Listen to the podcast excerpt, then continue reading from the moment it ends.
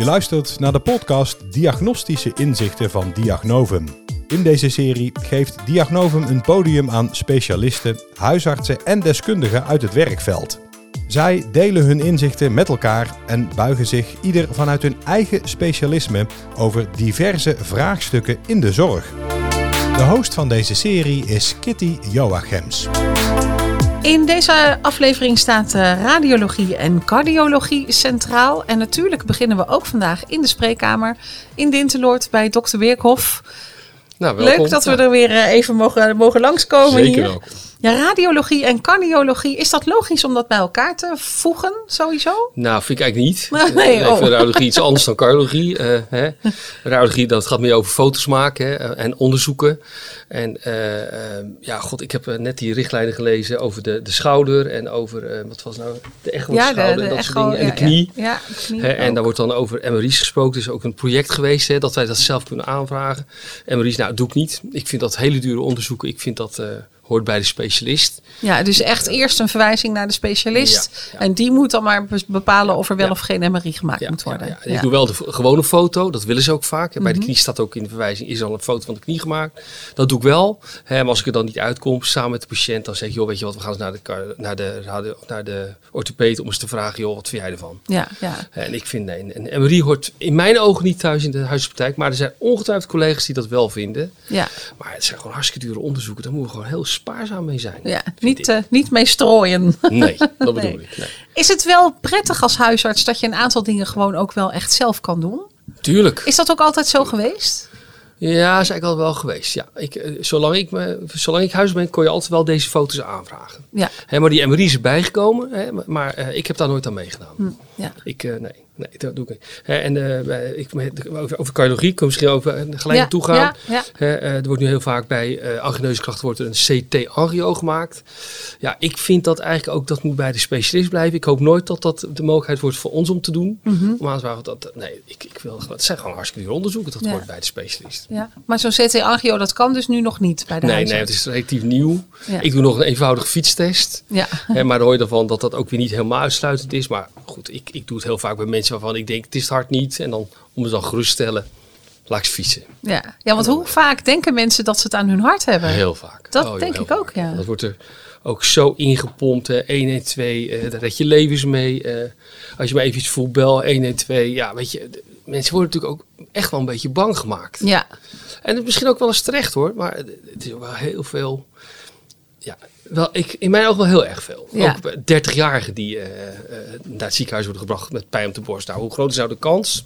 Ik weet nu, gegarandeerd gaan nu collega's zeggen, nou, ik heb het wel meegemaakt, maar ja, hoe groot is nu die kans? ja. ja, is het uitzondering of is het regel? Dat is de vraag. Ik denk uitzondering. ja, Maar ja, goed. Dus mensen zouden er eigenlijk beter over moeten worden voorgelicht als ik jou zo hoor. Ja, maar weet je, dat is moeilijk, hè? Want eh, mensen onthouden altijd de enge dingen. En ja, goed, weet je, ik kan zoveel voorbeelden geven op ander gebied. Dat, dat, ja, dat er dan toch wordt doorgegaan met iets. En dan denk je, ja joh, weet je, kijk nou eens naar die getallen. Hoe groot is nou nog een, een eh, verbetering van iets eh, als je nog een extra kuur doet of zo. Dus ja, weet je, ik vind dat heel moeilijk. Ja. Ja. En, en als het gaat om een verwijzing voor eh, welk onderzoek dan ook eigenlijk, hè? is er dan ook wel eens sprake van een leeftijdsgrens? Nou, weet je, nou, leeftijdsgrens tot op zekere hoogte, maar ook hoe vitaal nog iemand is. Hè? Daar kijk ik ook naar. En wat de mensen zelf willen. Hè? Er zijn echt genoeg, vooral oude, ik maak het echt met oude mensen die op een gegeven moment zeggen, dokter, laat nou maar, dat hoeft voor mij allemaal niet meer. Hè? En Ja. dan heb ik soms wel eens kinderen die zeggen, ja, mijn mam, eh, pap, eh, maar wel. En dan zeggen toch die ouders, nou, dat wil ik eigenlijk niet. Nou, en dan probeer ik dat wel te stimuleren. Want eh, ja, we doen ook denk ik veel onnodige dingen in de zorg. Hè? En dat Denk maakt het natuurlijk ook extra duur. Dat maakt het ook duur. Maar mag, ik moet heel voorzichtig zijn, want eh, straks word ik opgeknoopt. Maar eh, ik denk dat we veel dingen doen die wel eens niet nodig zijn. Ja, Ook dus- wij, hè? Ook wij als huisarts. Ja. Ja, en hoe, hoe zou je dat kunnen voorkomen? Of hoe, dat is wel een heel gevoelig onderwerp wat we nu krijgen. Maar ik, eh, ik geloof natuurlijk een beetje in bij bepaalde dingen eigen bijdrage. En ik ben er wel eens resoluut geweest dat ik zei niks gevonden zelf betalen. Maar dat gaat misschien wel heel erg ver. Maar mensen zouden best wel mogen meedenken, joh. ehm, moet dat nou wel het onderzoek? En dat kan je denk ik bereiken door eh, de mensen misschien toch een klein beetje te laten worden in de portemonnee. Dus het ligt heel gevoelig, weet ik. Joh, het mooie voorbeeld is nu gewoon de energiecrisis. We kunnen al met z'n aan deze oplossing 30% minder energie gebruiken. Ja. En natuurlijk, het is misschien niet meer zo comfortabel als het was, maar het kan wel. Ja? En ik heb nog geen eh, doden eh, gehoord op het nieuws die eh, doodgevroren zijn of zo. Het is allemaal heel gevoelig hoor, wat ik nu zeg. Maar ik denk, als we die zorg goedkoper willen krijgen... dan moeten we denk toch de patiënt een klein beetje laten merken dat het allemaal duur is. En dat kan je denken alleen maar, maar dat ligt heel gevoelig... Een kleine eigen bijdrage. Een huispost is denk ik een heel mooi voorbeeld. Het is echt ongelooflijk wat we daar nu zien. En het zijn natuurlijk allemaal leken, dat begrijp ik.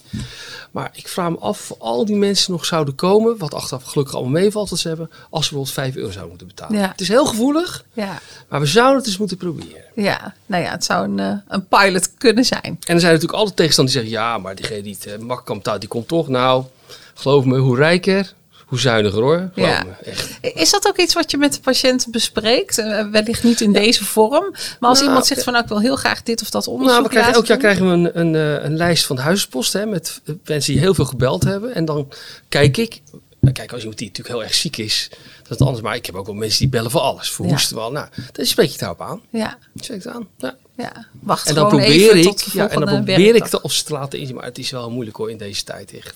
Ja. Heel moeilijk. Zo zit dat. Dankjewel. Oké. Ja, en vanuit eh, de spreekkamer van dokter Birkhoff is het eh, voor eh, in een podcast maar een kleine stap naar het eh, ziekenhuis in eh, Tilburg. We zijn in het Elisabeth II Steden ziekenhuis. Eh, en eh, daar zitten bij ons aan tafel Fiek van Tilburg en Koos van Oort.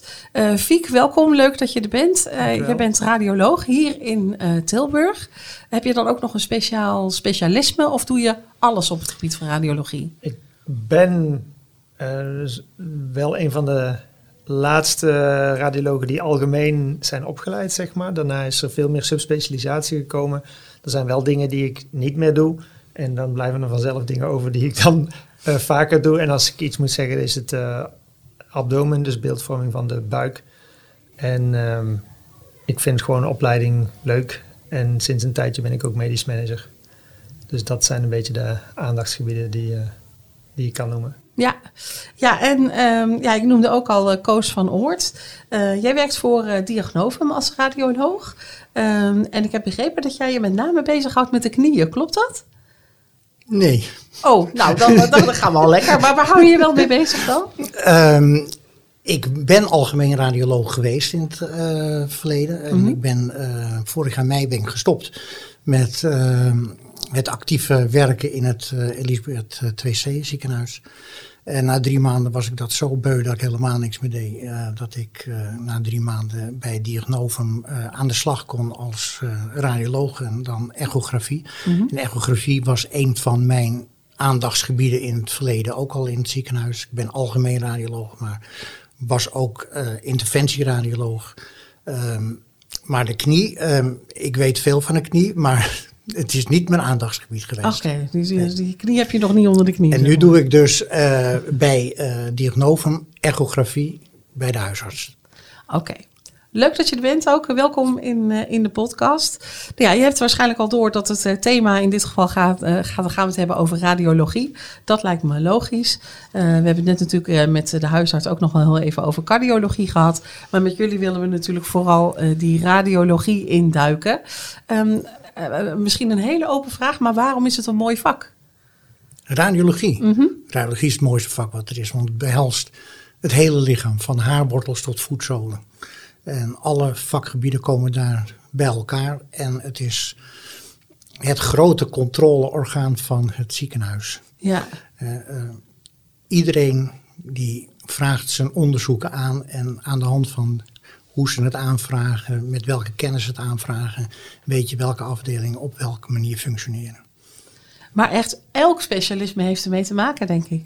Bijna, ja.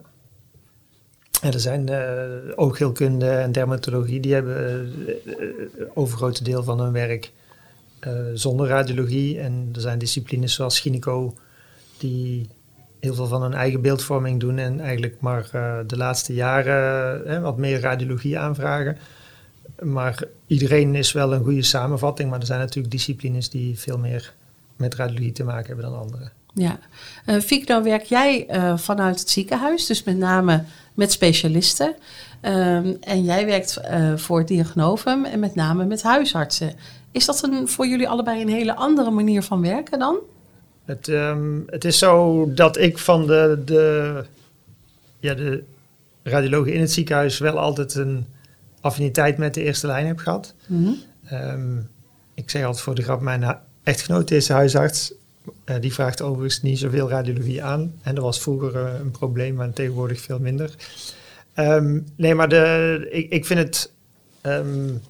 hè, we werken heel veel met kansen, hè, vooraf kansen dat mensen iets hebben of niet.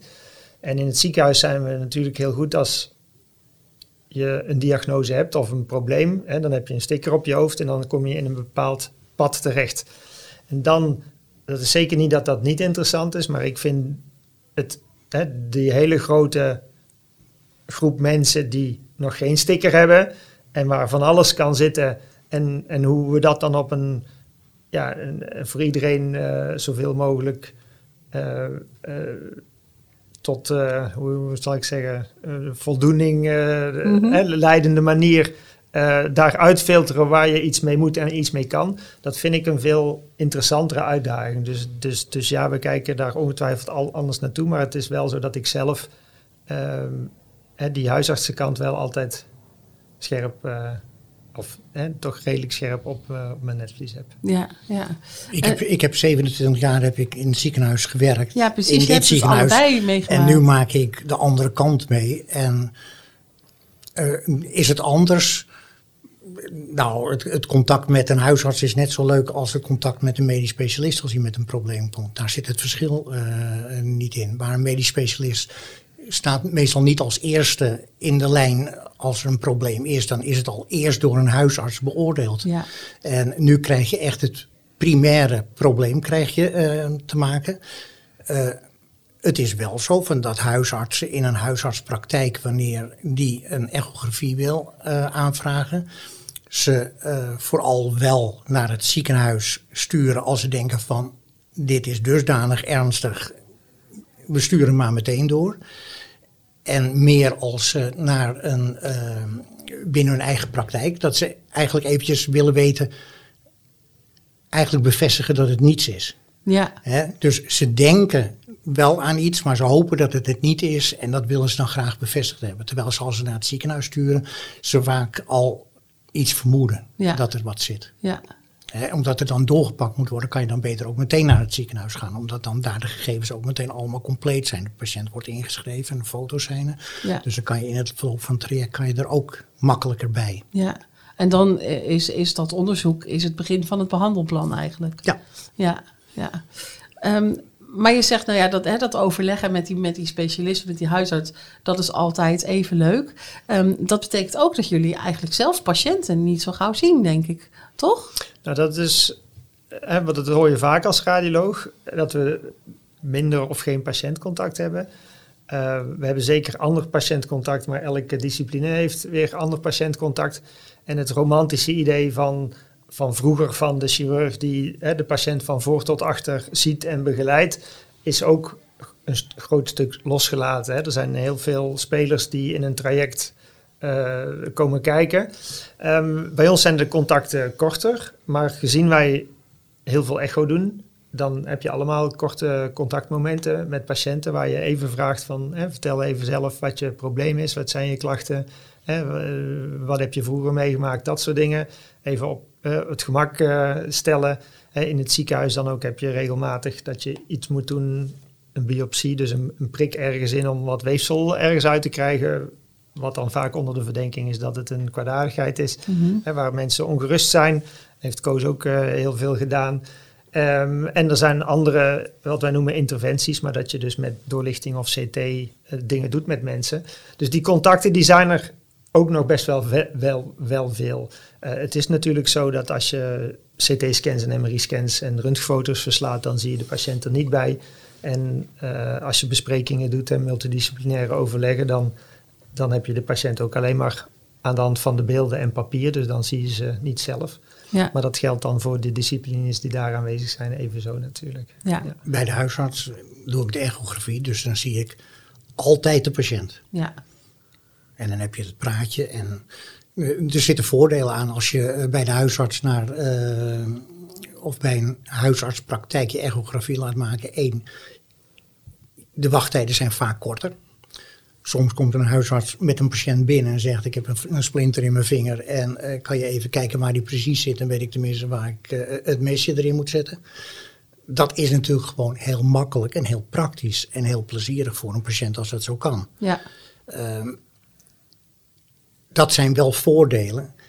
Dat je een patiënt ziet en je hebt meer tijd voor de patiënt. Dus je kan het ook even wat beter uitleggen en ehm, wat er aan de hand is. Dus er zijn wel voordelen aan als je het bij een huisarts zou laten doen.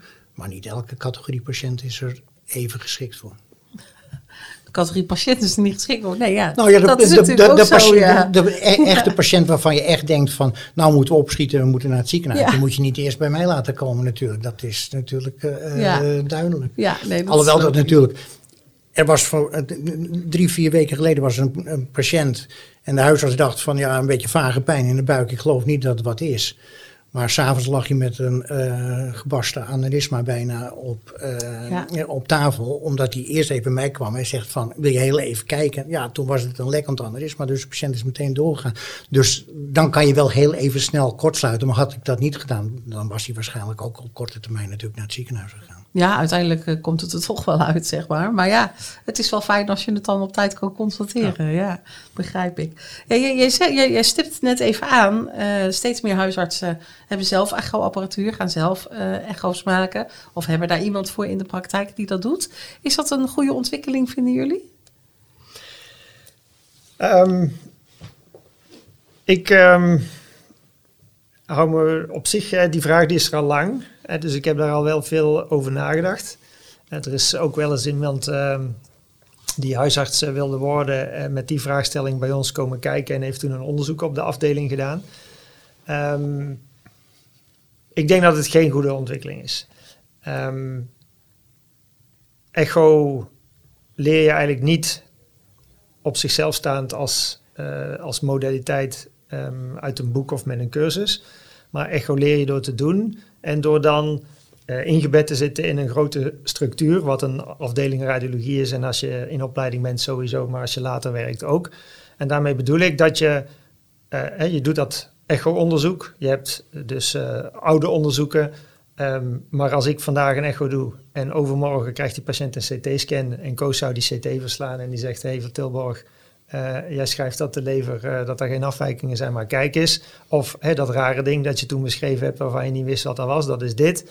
Of hè, ik, ik beschrijf iets en dan is er een twee weken later is er een multidisciplinair overleg en dan komt die patiënt terug en dan vertelt de chirurg wat hij gezien heeft. En op die manier leer je, continu. En dus het, het, het bezig zijn is, is continu bezig zijn met beeldvorming en context en loopjes, feedback loopjes. En dat mis je bij een huisarts. hè. Het andere is dat ehm, er zijn natuurlijk heel veel dokters die echoen en steeds meer.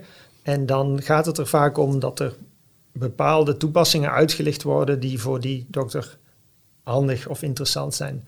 Dus de gyneco die, die deed het al veel langer dan wij, maar die doppen hun eigen boontjes en die weten wat ze bekijken en waar het voor hen stopt. Voor de urologen geldt dat hetzelfde. Als de anesthesist met echo hè, blokkades aanbrengt of lijnen inbrengt, dan weet hij waar dat ze dat voor doen. Dus dat is eigenlijk, omdat ze gespecialiseerd zijn, hebben ze een heel toegepast gebied. Bij een huisarts is juist het leuke dat daar van alles binnenkomt en dat dat heel breed is. Maar dat maakt het voor de diagnostiek juist wel moeilijk. Want ze hebben dus niet van die, van die uniforme straatjes met patiënten, maar het kan eigenlijk alle kanten op gaan. Ja. En dan moet je dus eigenlijk ook heel breed georiënteerd zijn en een hele brede ervaring hebben met echo eh, om, om dus goed genoeg te zijn daarin. Ja. En dus dat vind ik het, het probleem samen met nog een aantal andere randvoorwaarden waar niet aan voldaan kan worden, eh, die te maken hebben met opslag van beelden en beschikbaar zijn van verslag en dat soort dingen. Maar ehm, ja, daarom ben ik niet voor. Ja. Ik, En is ik ben er ook zeker niet voor. Jij bent er ook niet voor. Nee, want het nee. is één, je leert echografie niet in een driedaagse cursus. Nee, het is echt een vak, hè? En het is precies wat Fiek zegt, het is zo breed, je kan alles echograferen. En als je nou de echo-schouder hebt, dan weet je misschien best wel wat van een schouder. Maar dan komt één keer in de eh, week komt er een schouder binnen, dan leer je het niet mee. Hè, onze ervaring die wij natuurlijk jaar en dag eh, met vallen en opstaan geleerd hebben, dat eh, ga je zo niet eh, binnenkrijgen. En ja, je kan natuurlijk best wel echograferen en een klein dingetje kan je best wel doen.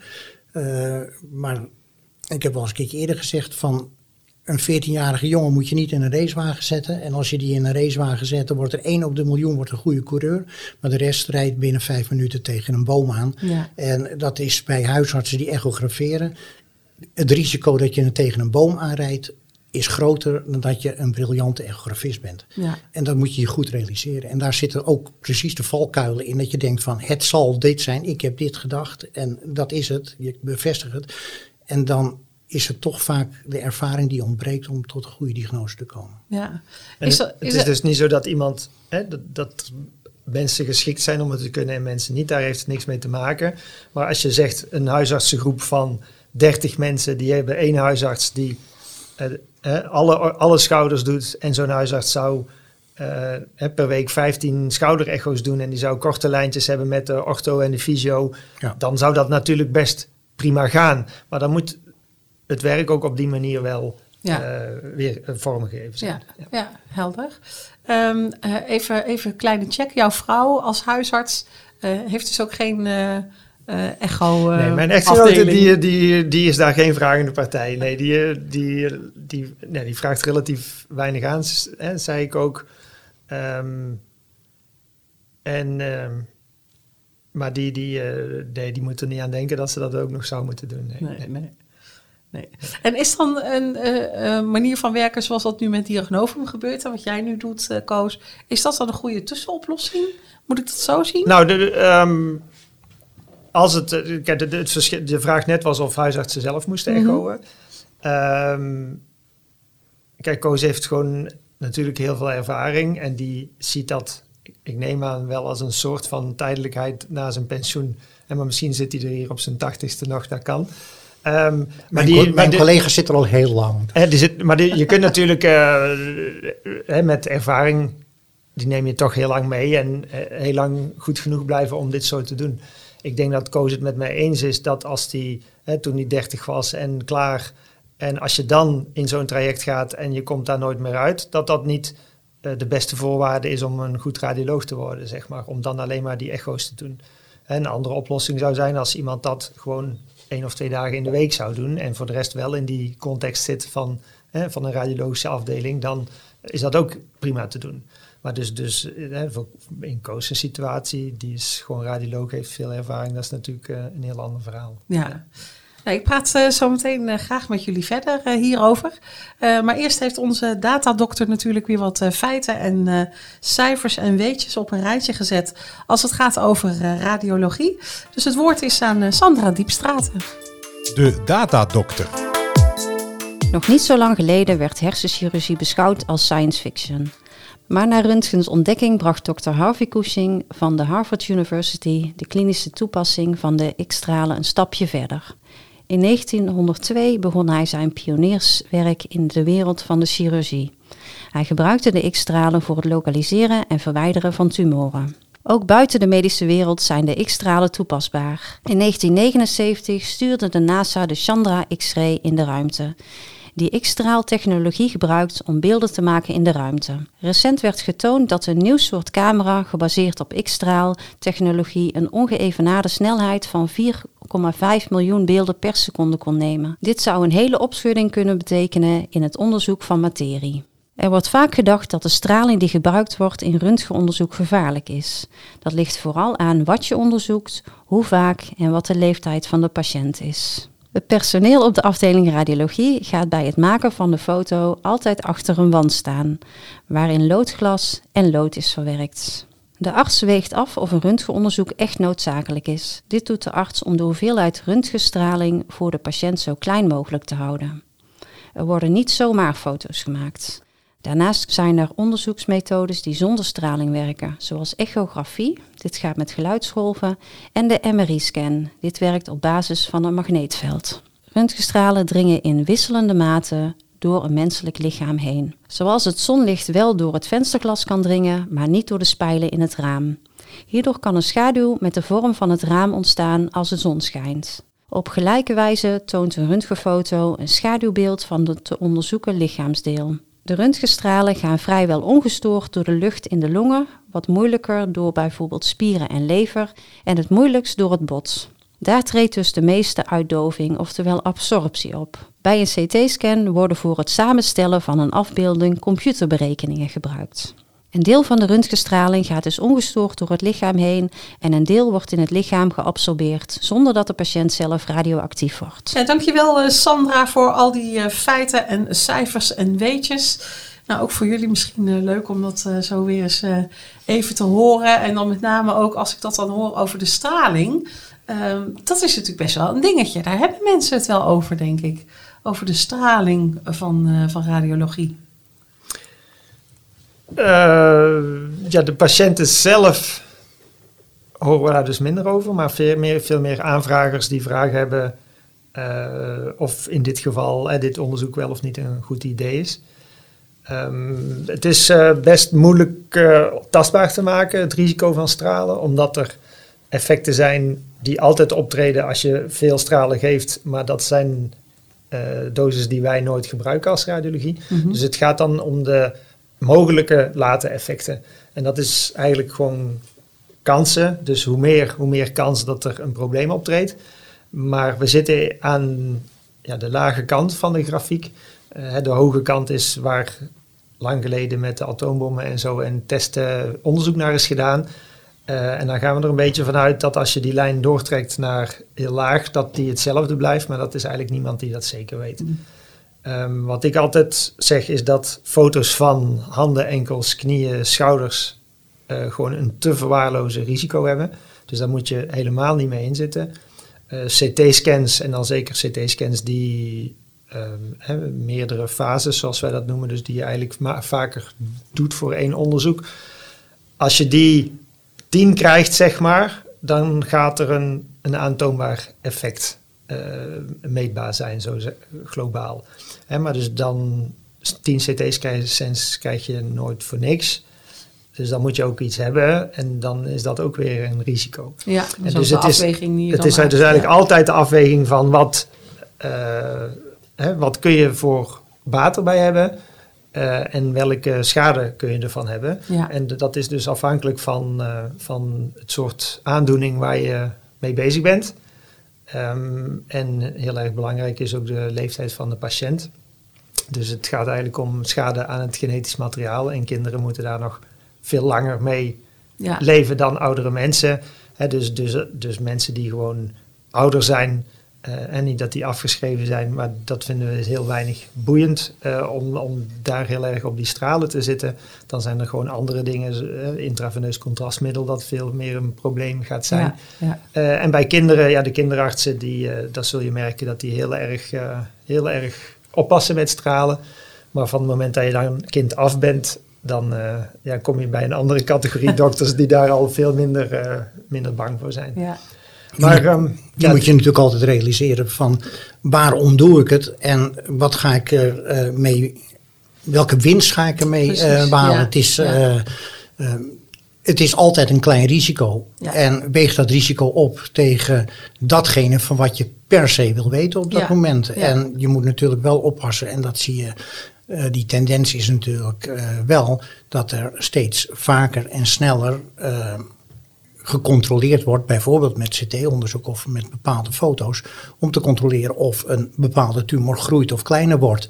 Ja, eh, hoe vaak is dan verantwoord? Nou, Ja. daar wordt naar gezocht en dat eh, wat we nu mee bezig zijn, denk ik dat dat allemaal binnen de grenzen van de redelijkheid is. Maar je moet wel oppassen, je moet niet elke dag een CT gaan maken natuurlijk. Ja, ja. Een categorie patiënten waar dat eh, in andere landen bijvoorbeeld wel speelt, die discussie, en waar het hier ook nog kan spelen, is als je wat we noemen de traumapatiënt, dus iemand die een ongeluk krijgt, ehm, de indicaties, dus de redenen om een CT te maken op de spoedeisende hulp zijn door de loop van de jaren heel erg laag geworden.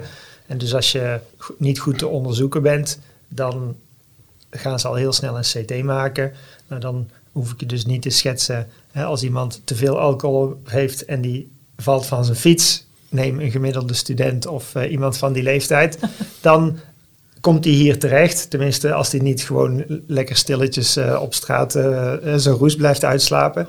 Maar dan zou hij zomaar een CT kunnen krijgen. En als je dan zegt, voor die ene individuele patiënt is die kans dat hij er iets van krijgt natuurlijk heel klein. Maar als je zegt, op een jaar scannen we zoveel duizend van dat soort jonge mensen, dan is ook een kans van een promiel natuurlijk dat er wel een van die patiënten daar iets van gaat krijgen in zijn loop van zijn leven. Maar dan is het de afweging van nu de ja, geruststelling van de aanvrager uh, tegenover over 15 jaar iemand die een tumor krijgt en natuurlijk nooit meer weet waar dat, dat van is of dat dat gewoon pech is. Dus daar moet je dan hele zware statistiek op doen om, om dat boven water te krijgen. Ja, ja. Uh, nou is er een punt wat ik graag eens met jullie wil bespreken en het ligt een beetje gevoelig. En dat is uh, de, de, de foto, de echo van de schouder uh, voor bij mensen die op een wat hogere leeftijd zijn. waarom ligt dat gevoelig? Is, is dat leeftijdsdiscriminatie of ja. hoe zit dat? Ja, ja dat, dat is een... Um, dat is een, een, onderdeel van de gevoeligheid. En ik heb ook uh, ouders en schoonouders die tegen de 80 lopen. En uh, ook met de mama-screening, bijvoorbeeld de borstkankerscreening, uh, word je van 50 tot 75 één keer in de twee jaar uitgenodigd. Maar op je 75ste houdt het op. En bij een bepaalde groep patiënten is er dan niet een geruststelling van daar ben ik ook weer vanaf, wat ik zelf denk ik zou hebben. Maar die voelen zich afgeschreven. Hè? Dat ze niet meer meedoen, dat het niet meer de moeite waard is, dat zij niet meer de moeite waard zijn. En dat is een onderdeel van uh, waarom dat het gevoelig ligt. Een ander uh, onderdeel waarom dat het gevoelig ligt, is dat het gewoon niet heel erg gebruikelijk is tot nu toe dat de radiologie uh, dit soort drempels opwerpt. Hè, dat andere aanvragers dat wel al, al veel meer doen. Maar dat dat eigenlijk ook een beetje een trendbreuk is. Hè? Dat wij eigenlijk heel gemakkelijk zeggen van oké, uh, laat maar komen. Alle vragen beantwoorden, maar dat dat nu ook nieuw is in dat opzicht. Ja. Het is natuurlijk ook zo van, als je boven een bepaalde leeftijd komt, worden de uh, therapeutische mogelijkheden ook kleiner. Uh, de fysieke toestand is soms minder van een patiënt, maar ook de operatie kansen dat het slaagt worden kleiner. Orthopeden opereren boven een bepaalde leeftijd niet meer aan de schouder. Dan doe je de schouderecho boven een bepaalde leeftijd alleen nog maar ter geruststelling. Ja. En de, de vraag is van of je dat moet doen. In sommige gevallen kan dat soms, dat dat uh, per se noodzakelijk is om dat toch te doen. Maar als het enkel en alleen maar ter geruststelling is van de huisdokter van dat hij wat mist, dan uh, is dat niet, uh, denk ik, een goede reden om dat meer te doen. Dus vandaar dat een leeftijdsgrens daar uh, zeker van belang is. Ja. Nou, nog eentje die gevoelig ligt dan. je stipt hem al even aan, ehm, het borstkankeronderzoek. Waarom moet dat zo pijnlijk zijn? Er zijn zoveel knappe apparaten waar je gewoon onder kan liggen. Um, ik vraag dit uh, voor een vriendin. Voor een vriendin. Ja. Uh, een man heeft het apparaat uitgevonden, denk ja, ik. dat denk ik ook. Nee, de, de gevoeligheid wisselt wel heel sterk per patiënt. ook daar bij mijn echtgenote, die haalt de schouders erover op. Um, maar goed, je kunt maar de pech hebben dat het heel gevoelig is. En het is ook het ene moment tegenover het andere wat, wat, wat anders. Maar de mammografie zoals die toegepast wordt, die maakt nou eenmaal helaas gebruik van het, het comprimeren, het samenduwen van het weefsel. Waardoor, ja, je maakt, het, je maakt het ja, beweging. ik maak de beweging met mijn handen. Maar dat is um, gewoon pletten eigenlijk. Gewoon pletten, omdat je dan... Uh, dat heeft technische voordelen, maar afwijkingen worden daar ook gewoon beter zichtbaar door. Um, nu is het zo dat de, de dames van de screening, het zijn meestal dames uh, die dus in de bus de foto's maken, die zijn wat uh, Spartaanser dan de laboranten bij ons.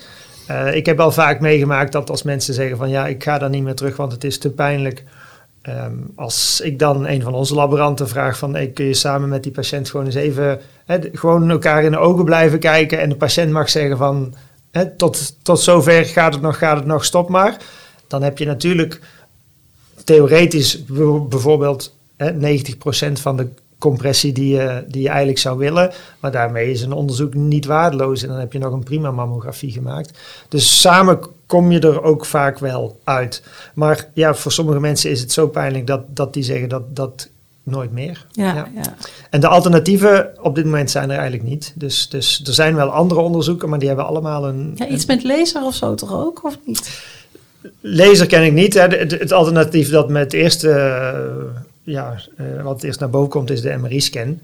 Ehm, daar lig je op je buik met, met de borst in een soort bak. En dus dat heeft niet dat pijnlijke. Het duurt wel veel langer. Hè. Dus je ligt zo eh 25 minuten op tafel. Ja, is Maar- natuurlijk ook niet alles. Is ook niet alles en zeker voor oudere mensen. Mhm. Ehm, En daar heeft het ziekenhuis de capaciteit niet voor om al die eh, patiënten te behandelen. Nee, snap ik ook, ja. Dus dat, dat is Kan niet. En de, en. MRI die, die vindt ook veel te veel afwijkingen die geen kwaadaardigheid zijn. Dus daar hebben we vooralsnog in Nederland gewoon afgesproken dat alleen bij mensen met een echt hoog risico, en dan heb je mensen met bepaalde genafwijkingen, zetten we die MRI in, omdat de kans daar groter is dat een afwijking ook echt een afwijking is. Maar anders als je dames die, die dat verhoogde risico niet hebben op de MRI legt, ga je veel te veel dingen vinden die dan hè, een aanvullende echo moeten krijgen met punctie, hè, terugkomen voor uitslag, hè, twijfelachtige uitslag, follow-up trajecten, een hele hoop gedoe wat ja, het niet waard klinkt niet is. als een verbetering Nee. inderdaad. Nee. En dan heb je de echografie natuurlijk nog, waarmee je de borst ook onderzoekt, maar weer op een hele andere manier dan met röntgenfoto's of eh, met behulp van de MRI. En is heel erg ook kwaliteitsafhankelijk van de persoon die het uitvoert. Ja. En je hebt nooit een totaalbeeld, maar je kijkt altijd maar naar een heel klein onderdeeltje van de borst met eh, de echografie. En je kan nooit een totaalbeeld maken met de behulp van echografie. Dus dat valt ook af. Er is eigenlijk geen alternatief. Als we kijken naar eh, de toekomst eh, van het vak, eh, de toekomst van de radiologie. En we kijken naar de mensen die nu opgeleid worden of misschien net begonnen zijn. Wat zou je die, die jonkies tussen aanhalingstekens mee willen geven? Oei, wat gaan we ze meegeven? Ehm, het, het, het verschil in de opleiding is ehm, nu ten opzichte van, ehm, zoals ik het heb gehad, ik ben als een algemeen radioloog opgeleid. Wij hebben gewoon het totaalbeeld hebben we ehm, in ons hoofd geprent gekregen. En tegenwoordig begin je al op een hele jonge leeftijd begin je al met eh, het specialiseren in een bepaalde richting. En je moet heel erg oppassen, vind ik, van dat we niet allemaal eh, losse vakonderdelen radiologie naast elkaar krijgen die bijna niet meer met elkaar eh, communiceren. En- Waardoor het te veel gaat versnipperen. en Het, het, het gaat te veel versnipperen. Ja. Het is eh, net het partijensysteem in Nederland. Het wordt allemaal kleiner en het wordt maar kleiner. En eh, het de grote overzicht wordt niet meer behouden door de- een, een grote partij. En er valt, geen, er valt niet te regeren en er valt geen goede diagnose te maken bij een patiënt soms. Soms heb je meerdere dingen bij elkaar nodig dan alleen een klein onderdeeltje van alleen een radioloog die alleen de lever weet. Dus hou het totale vakgebied in ogen. Mee eens? Eh, zeker mee eens. En verder denk ik, eh, of heb ik geleerd dat de jonkies eh, meestal niet op dit soort advies zitten te wachten. Maar is het meer een uitnodiging om een bespiegeling te geven vanuit mezelf, denk ik. Eh, nee, als je het leuk vindt, gewoon doen. Hartstikke mooi. Het gaat zeker veranderen. Het is, het is eh, in onze tijd eh, eh, veranderd. Het zal blijven veranderen en wat het gaat brengen is onzeker. Maar eh, eh, dat het gewoon binnen tien jaar niet meer bestaat, die kans is uitgesloten. Dus eh, gewoon eh, lekker aan de slag. Mooiste vak wat er is. Kijk, daar zijn we mee begonnen volgens mij. En daar stoppen we dit gesprek dan ook mee. Dank jullie wel voor jullie, eh, voor jullie inbreng. Graag gedaan. Graag gedaan. En ook in deze aflevering eh, krijg je natuurlijk een eh, geschiedenislesje. In dit geval eh, neemt Fiek van Tilborg die rol op hem als radioloog. En hij gaat een stukje historie van de radiologie uitlichten. Ga je gang, Fiek. Dankjewel. Ja, de opdracht was eh, de geschiedenis van de radiologie in vier minuten. Ja, wat, eh, wat moet je dan vertellen? Wat willen jullie horen? Het begint in ieder geval heel gemakkelijk met de uitvinding van de röntgenstralen in 1895 door Röntgen zelf. Hij ontdekt dan niet alleen de stralen, maar ook dat die door verschillende delen van het lichaam verschillend doorgelaten worden. En ook dat deze stralen ervoor kunnen zorgen dat bepaalde stoffen oplichten en dus licht gaan geven. En dat je op die manier een afbeelding kan maken. De beroemde eerste foto van de hand van zijn echtgenote, die zullen we allemaal wel kennen. 19, 1895. Eh, nu, in die tijd is het ehm, nog niet helemaal duidelijk wat we daar nou mee moeten met die stralen. Hè, wat we daarmee gaan doen. Ehm, er zijn niet meteen medische toepassingen. Het is meer, kijk eens hè, wat we allemaal kunnen zien. Uh, een stukje kunst, uh, kermis, uh, dat soort dingen. Maar toch waren er ook al meteen mensen die daar de medische toepassing van zagen. En dus in 1910 had je al echt een, een röntgenbuis en werden er opnames gemaakt, zowel op plaat als ook met een fluorescentiescherm. Uh, en misschien dat mensen dat nog wel voor ogen hebben. Een soort van zwarte kijkdoos die de radiologen van toen dan voor hun gezicht hadden. En waar, dan, waar ze op zo'n scherm keken, maar dus helemaal afgeschermd van het licht. Om dat vage licht van dat fluorescentiescherm te kunnen zien. Uit die tijd is het ook dat de radiologen... Uh, die schermen zijn heel lang nog gebruikt. Maar dat die hun, licht hun ogen moesten beschermen tegen het licht. En ook overdag, als ze dus aan het werk waren tussendoor, met een hele donkere bril opliepen. En in, in cartoons en zo zie je dat nog altijd. Um, je stond ook met je hoofd gewoon in de stralen overigens. Dus uh, in, die, uh, in die begintijd uh, zijn er veel mensen die heel veel stralen gepakt hebben. in de Eerste Wereldoorlog was de radiologie ineens heel belangrijk en dan wel eens een medische toepassing. En dat is met name omdat uh, röntgenstralen dus door verschillende weefsels anders worden tegengehouden, maar door metaal heel sterk. En dus uh, granaatresten die de soldaten dus hadden, die kon je daarmee heel goed zien. Um, en in die tijd was ook antibiotica nog niet uitgevonden. Dus het idee was dat al die resten eruit moesten, omdat infectie gewoon een heel groot risico was om, als je niet meteen dood was, alsnog te overlijden. Um, Marie Curie, uh, jullie allemaal wel bekend, met name van de ja, radioactieve stoffen. Um, die heeft eigenlijk in het begin van de Eerste Wereldoorlog zich bekwaamd op de radiologie zoals die toen was. En die heeft ook uh, eigenlijk bestelbusjes met röntgenapparatuur uitgevonden en uitgerold. En is ook zelf gaan rondrijden achter de frontlinies om soldaten uh, ja, te doorlichten eigenlijk op zoek naar granaatscherven. Um, ja, de jaren daarna zijn eigenlijk gekenmerkt door allemaal stapsgewijze kleine verbeteringen. Heel veel aandacht voor de, uh, de schadelijke effecten van de stralen. Want in het begin was dat dus gewoon nog niet bekend.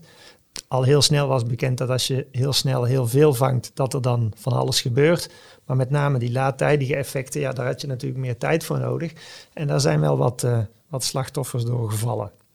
Nu, tegen de Tweede Wereldoorlog was er wel al uh, duidelijk aandacht voor die stralingsbescherming. Um, ja, nog later uh, veel technische verbeteringen. contrastmiddelen werden uitgevonden. Denk aan het afbeelden van bloedvaten. Toen was dat vaak nog door directe punctie, dus gewoon iets rechtstreeks aanprikken. De ruimte rond de hersenen, maag, darmstelsel, urinewegen, luchtwegen. veel technische verbeteringen, maar ook heel vroeger al verandering van de rol van radioloog, relatie met de aanvrager. is de radioloog eigenlijk een technicus of interpreteert hij echt de onderzoeken? Uh, er kwam toen al aandacht voor de inter-observer variatie, wat we noemen. De een zegt dit, de ander zegt dat. Uh, hoe, hoe, kan dat? En of het eigenlijk wel klopt. Uh, wat de chirurg dan ziet. En in die tijd eh, staroscopen, maar met scopie bij de maag. de radioloog zegt dit. Dus dat zijn discussies die eigenlijk al heel lang spelen. Um, jaren 60 katheters voor bloedvaten af te beelden. Met later de mogelijkheid om ook te emboliseren, dus dingen dicht te maken. En nog later om te dotteren bijvoorbeeld, om dingen weer open te maken. Uh, de interventieradiologie natuurlijk een, een, een stap, uh, een belangrijke tak van de radiologie. Uh, in de jaren 60 de beeldversterker, dus waar eerst we afhankelijk waren van dat oplichten van dat stofje of van films, konden die, die licht kon in, elektronische, in elektrische signalen worden omgezet, wat dan ook de mogelijkheid gaf om die te versterken en dus op een beeldbuis weer te geven. Dat was een enorme verbetering. Ja, en dan natuurlijk de CT. De eerste plaatjes, uh, de CT in het begin was altijd van het hoofd. En die zijn natuurlijk nu niet meer om aan te zien. Maar toen echt revolutionair dat je eindelijk in dat ja, door bot afgegrensde uh, kopie kon kijken om te zien wat er, wat er in de hersenen speelde. Nu, die CT die werd dan daarna ook snel weer beschikbaar voor de rest van het lichaam. Uh, dezelfde tijd ook, en dan hebben we het over de jaren 70, uh, echografie van met name de buik. En dus eigenlijk een concurrentiestrijd tussen CT en echo. Um, in die tijd, jaren 70, dus ook aandacht, ja, zag iedereen dat de radiologie heel hard groeide. En toen kwamen dus ook de discussies van, van ja, het kost ook, wat is de meerwaarde? Dus terechte discussies die ook van alle tijden zijn. Um, en daarna de voorzichtige stapjes in de klinische toepassing van de MRI. De techniek bestond al heel lang, maar wat we ermee moesten hè, was ook niet meteen duidelijk. En de MRI met enorme voordelen, dus wekendelen contrast, geen schadelijke stralen, je kon in alle richtingen opnames maken. Maar de MRI is eigenlijk, zolang als ik weet, uh, ja, is er meer vraag dan dat we kunnen leveren, ondanks het feit dat het aantal MRI-scanners enorm is toegenomen. Nu, in ehm, 1990 kreeg ik in mijn tweede jaar geneeskunde in Leuven uh, radiologische anatomie. En dat was toen voor het eerst gegeven in het curriculum. En het idee was dat de toekomstige dokter uh, meer waarschijnlijk de anatomie van het menselijk lichaam zou zien tegenkomen in de rest van zijn leven aan de hand van beelden, dan dat hij als een chirurg zelf die hand in die buik zou steken en, die lever zou kunnen vastpakken. En dat was natuurlijk heel goed gedacht. En mijn medestudenten die vonden dat saai en ik vond dat geweldig. En vanaf dat moment wist ik dat ik anders was en uh, dat ik radioloog wilde worden. Nu, in diezelfde jaren nam de rol van de radiologie bij de acute patiënt enorm toe. Tot dan toe was een scan, een CT eigenlijk een, een kankerscan. En dat was voor tumoren aan te tonen. En, maar toen nam er een, kwam er een enorme rol voor de kritieke patiënt. En de scanners werden steeds sneller. Die konden dus alles laten stilstaan. En dat was ehm, ja, de ontwikkeling die dat mogelijk maakte. Ehm, ja, ik ben um, in 1995 begonnen met mijn radiologieopleiding. Sinds 2000 zit ik in Tilburg. En dus ik heb dus al heel veel ontwikkelingen meegemaakt op het vlak van echo, CT, MRI, mammo. Maar ook digitalisering, 2003, hè, PAX, dus dat alle beelden dus niet meer op film beschikbaar waren, maar dus digitaal in de computer. En nooit meer foto's die kwijt waren, uh, op verschillende plekken beschikbaar, um, een enorm voordeel. Al die technische veranderingen die in de radiologie belangrijk zijn, ook hè, toename van de rol van de radioloog in multidisciplinair overleg, in onderwijs. Hè, dus eigenlijk waren we overal aanwezig. Maar de grootste ja, verandering die ik in mijn tijd in Tilburg eigenlijk heb zien gebeuren, is het verwateren van het begrip therapeutische consequentie. Ik ben in België opgeleid en daar was het toen, u vraagt wij draaien en u is de klinicus en wij zijn de radiologie. Dus gewoon, ja, iemand vroeg iets aan en je deed dat en je dacht er verder niet bij na.